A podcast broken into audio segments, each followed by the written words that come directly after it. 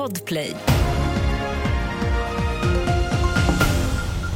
Vi börjar med att det är trassligt i tågtrafiken idag på flera sträckor, bland annat mellan Stockholm och Malmö och även norrut mot Gävle. Det här beror på ett eh, signalfel mellan Norrköping och Linköping och enligt den senaste prognosen från Trafikverket så ska felet vara löst klockan 13.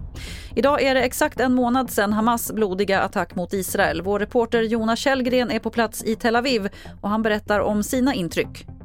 Ja, här i Israel så är ju folk fortfarande traumatiserade. Det finns inget annat sätt att beskriva det. Man trodde att Israel var en säker plats för judar men sen inträffade den här attacken som ledde till, som man säger gång efter gång här, det största massmordet på judar sedan andra världskriget. Och det har verkligen traumatiserat den här nationen och nu känner man att man skulle ha omvärldens stöd efter den här attacken och man känner att man förlorar det stödet och även det är, leder till sorgsenhet och upprördhet här bland israeler.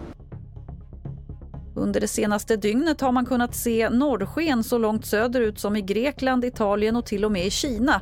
Och det ser ut att bli liknande kvällar de närmaste veckorna och ovanligt mycket norrsken väntas i vinter enligt norska forskare. Anledningen är att solen just nu är inne i en mycket aktiv period. Fler nyheter finns på tv4.se. Jag heter Lotta Wall.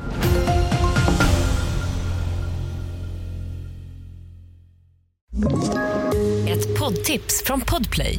I fallen jag aldrig glömmer djupdyker Hasse Aro i arbetet bakom några av Sveriges mest uppseendeväckande brottsutredningar. Går vi in med hemlig telefonavlyssning och, och då upplever vi att vi får en total förändring av hans beteende. Vad är det som händer nu? Vem är det som läcker?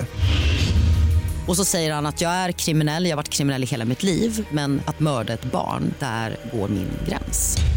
Nya säsongen av Fallen jag aldrig glömmer på Podplay.